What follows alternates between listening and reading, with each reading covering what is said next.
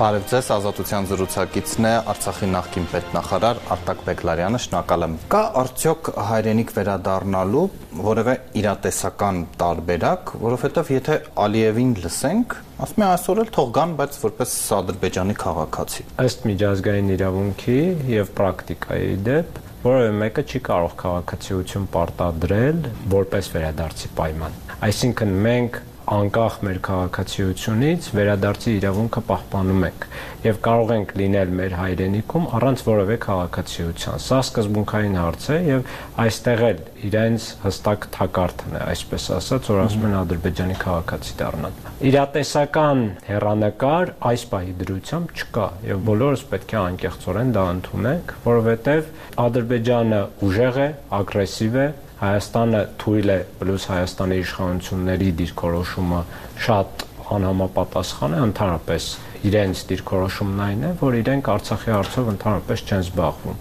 Այդ թվում վերադարձի հարցը չեն դնում եւ այլն եւ այլն, թեև պետք է անեին ըստ բոլոր հնարավոր տրամաբանության։ Եվ բացի դրանից միջազգային իրավակարգը եւ աշխարհակարգը շատ լուրջ ճեղքում է ապրել եւ փլուզվել է եւ հետեւաբար այս պահի դրությամբ միջազգային գործուն ճնշում Ադրբեջանի վրա մենք չենք տեսնում եւ դրա հերանեկարը դեռևս չկա ու Ադրբեջանը հմտորեն խաղում է ռուս արևմտյան հակամարտության վրա եւ նաեւ օգտագործում է թուրքական գործոնը այն դեպքերում, երբ ինքը չի կարողանում գլուխ անել, այսպես ասեմ։ Երբ ասում եք միջազգային իրավունքի տեսանկյունից պարտավոր չենք քաղաքացիություն ընդունել կամ դա պարտադիր չէ, բայց որևէ կարգավիճակ պիտի ունենա, չէ, այնտեղ ապրող մարդը։ Այդ կարգավիճակը տվյալ մարդու խնդիրը չէ սա իրավունքի տեսանկյունից եմ ես ասում, դա պետության խնդիրն է։ Քաղաքացիություն չունեցող անձն էլ կարգավիճակ է ցանկացած պետության մեջ։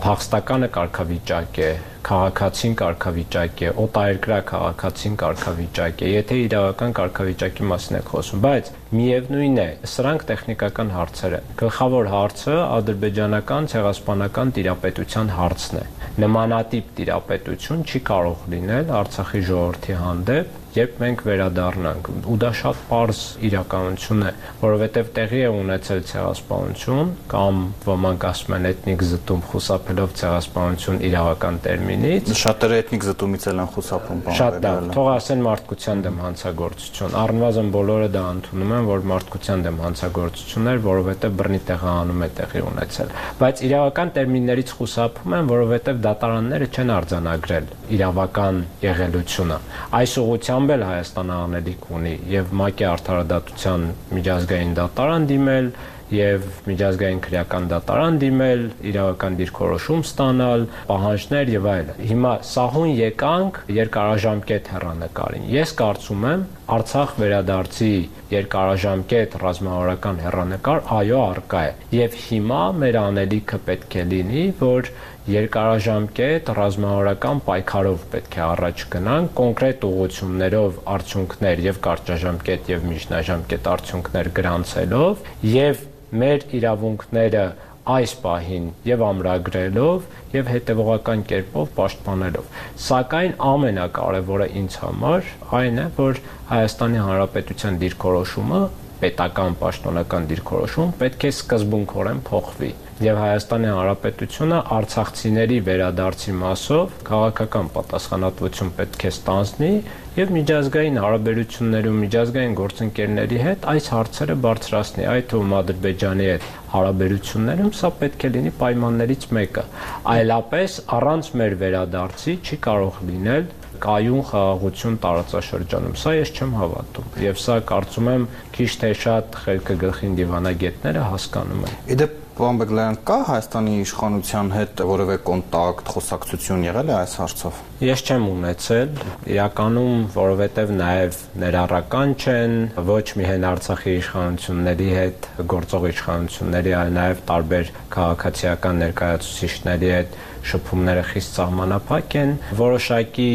մի քանի դեպքով զրույցներ ունեցել եմ ավելի շատ միջին օղակում հումանիտար որոշակի հարցերի շուրջ եւ որոշակի առաջարկներ արել եմ եւ դրանք հիմնականում էլի եղել են իմ նախաձեռնությամբ, իմ առաջարկով, հաշվի առնելով, որ համակարգային խնդիրներ եմ նկատել եւ լուծումներ եմ առաջարկել։ Ակնհայտ է, որ խաղաղության պայմանագրում Արցախահայերի վերադարձի մասին չի հիշատակվում, համենայն դեպս չի ասվել, որ նման բան կա։ Չէ, չկա։ Արիևն է շատ հստակ ասում է, որ չկա։ Եվ հիմա դուք առանձին հանձնախումբ եք ստեղծել Վարդան Օսկանյանի գլխավորությամբ, ստացվում է այն առանց Երևանի մանդատի է բարձրացնում այդ հարցերը եւ կան իշխանություններից արդեն տեսակետներ, որ դա հարված է բանակցային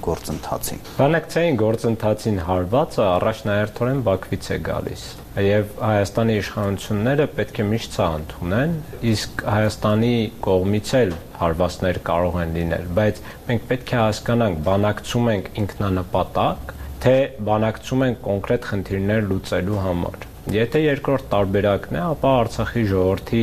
իրավունքների ու հատկապես հավաքական վերադարձի իրավունքի հարցը պետք է անբաժանելի մասը լինի բանակցությունների։ Ընդ որում դա խաղաղության բանակցություններ չեն Նրանք Հայաստան-Ադրբեջան հարաբերությունների կարգավորման բանակցություններ են, սակայն նույնիսկ այդ ոլորտում կամ այս ավելի փոքր շրջանակում Արցախի ժողովրդի իրավունքների հարցը սկզբունքային հարց է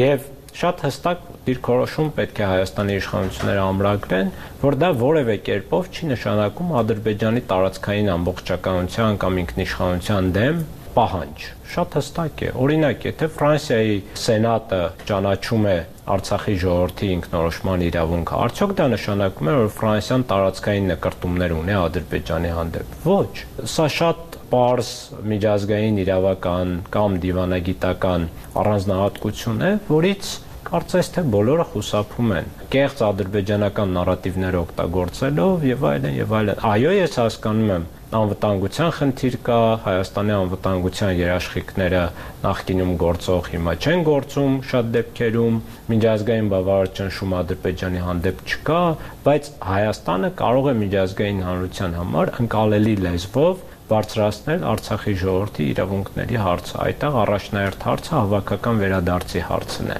Կարծես պաշտոնական Երևանի դիրքորոշումը սա է, որ խաղաղություն լինի պայմանագիրը ստորագրենք, վերադարձի հարցը ինքնինքյան կլուծվի։ Իրականում ես նույնիսկ հակված եմ, որ պայմանագիրը չի ստորագրվելու Ադրբեջանին ու բռնապետ Ալիևին, համաձայնագիրը պետք չէ, որովհետև համաձայնագիրը լրացուցիչ կաշկանդվածություն է ապահովում ու լրացուցիչ պարտավորություններ էինք ստանձնում։ Իրեն պետք էր ու առ այսօր պետք է այդ գործընթացը, որովհետև ինքը գործընթացի ընթացքում հմտորեն ստանում է կոնկրետ քարտեր եւ օգտագործում է այդ քարտերը եւ հասնում է կոնկրետ նպատակների։ Ամենախոշոր նպատակը Արցախի օկուպացիան է։ Եվ ցավոք սրտի Հայաստանի Հանրապետության իշխանությունները հատկապես 22 թվականի սկզբից ի վեր փուլ առ փուլ զիջումների գնացին Ադրբեջանի հետ հարաբերություններում, նաև որոշ դեպքերում Ադրբեջանը մարսեց օկուպացիան Հայաստանի ինքնիշխան տարածքի, բայց դրա դիմաց Հայաստանի Հանրապետությունը ոչինչ չստացավ։ Նույնը միջազգային հանրության այսպես կոչված խոստումներն էին, հիշում եք, վարչապետ Փաշինյանը ասում էր միջազգային հանրության կողմից խոստումներ է եղել, որ նշաձողը մի քիչ իջեցրեք եւ լայն կոնսենսուս կապահովենք։ Կոնսենսուսը չապահովեցին ոչ միայն Արցախի ժողովրդի անվտանգության ու իրավունքների մասին, որի մասին հորջորջում էին, նաեւ չապահովեցին Հայաստանի Հանրապետության տարածքի հանդեպ։ Հիշում եք, որ նշաձողը իջեցվեց, այսպես ասած, պաշտոնապես 22 թվականի ապրիլին, 5 ամիս հետո սեպտեմբերին Ադրբեջանը օկուպացրեց լրացուցիչ տարածքներ Հայաստանի Հանրապետությունից։ Վարչապետը այդ հարցի պատասխանը տվել է, որովհետև չեղավ կոնսենսուս Ստեփանակերտի հետ, դուք անընդունելի եք համարում դա շատ աբսուրդ քննարկում է։ Հիշում եմ, որ վարչապետը նաև ասաց, որ ինքը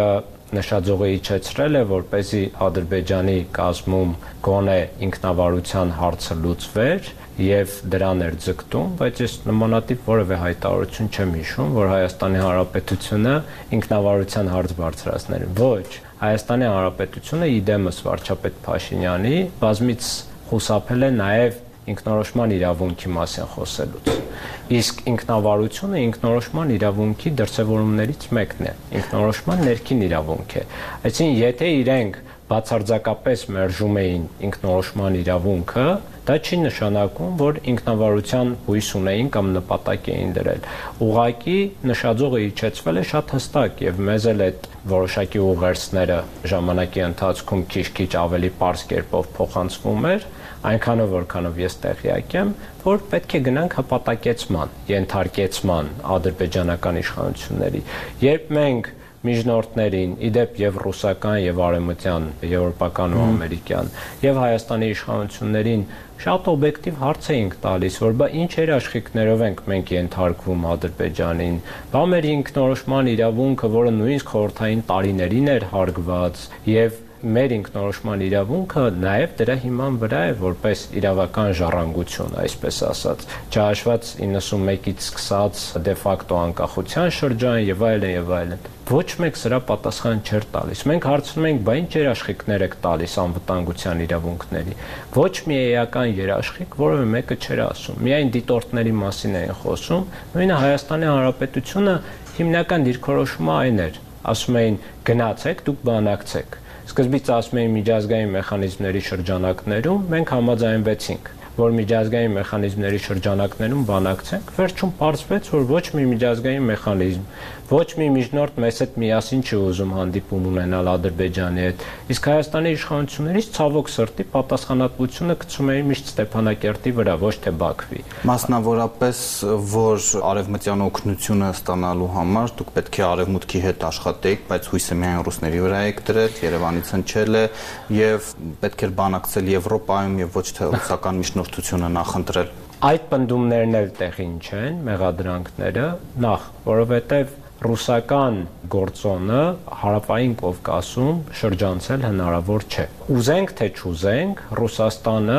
ազդեցիկ դերակատար է հարավային Կովկասում։ Առավել եւս Արցախում։ Երբ Արցախում գտնվում են ռուս խաղապահներ, երբ դեռևս գործում էր 20 թվականի նոյեմբերի 9-ի Երակոմ հայտարարությունը նաև Հայաստանի Հանրապետության վարչապետի ստորագրությամբ ու երբ Հայաստանի Հանրապետությունը նաև ինքը բանակցում էր Ադրբեջանի հետ նաև ռուսական ֆորմատով, ինչպես էին նմանատիպ պահանջներ դնում։ Մեզ համար ընդունելի էր ցանկացած արդյունավետ առաջարկ, միջնորդություն եւ մենք միշտ փորձել ենք զերծ մնալ ռուս արեմտյան հակամարտություններից, մրցակցությունից, եթե ռուսական կողմի հետ ենք աշխատում, ապա իրենց հետ պետք է parz աշխատենք։ Եթե արեմտյան կողմի հետ ենք աշխատում, ապա իրենց հետ parz աշխատենք եւ որևէ մեկի հետ հարաբերությունները չպետք է զարգանա մյուսի հաշվին եւ իդեպ առաջարկները եւ ռուսական կողմի եւ արեմտյան կողմի ընդունվել են հանդիպումների։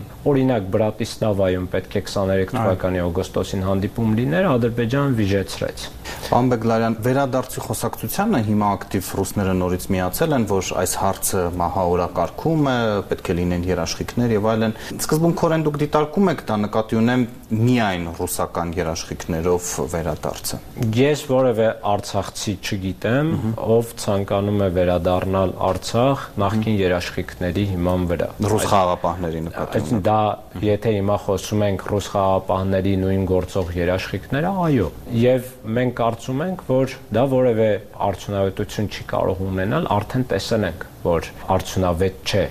եւ այստեղ շատ մեծ գործոն է եղել եւ այն որ ռուս արեմտյան կոնսենսուս չի եղել Արցախի անվտանգության շուրջ կամ ագրեսիան շրջափակումը կանխելու շուրջ հակառակը նույնիսկ եւ ռուսական կողմից եւ արեմտյան կողմից մեր հարցը որոշ չափով դիտարկվել է նաև իրար դեմ մրցակցելու կամ հակամարտության պրիզմայով։ Նաև դրա հաշվին ենք մենք կորցրել Արցախը, բայց գլխավոր հարցը Արցախի վերաբերյալ այն անընդունելի դիրքորոշումը, որ Հայաստանի իշխանությունները Արցախը ընդունեցին Ադրբեջանի կազմում։ Իհարկե սա եւ պատճառ է դարձել եւ պատրվակ է դարձել միջազգային դերակատարների իդեպ եւ Ռուսաստանի եւ ԵՄ-ի եւ ԱՄՆ-ի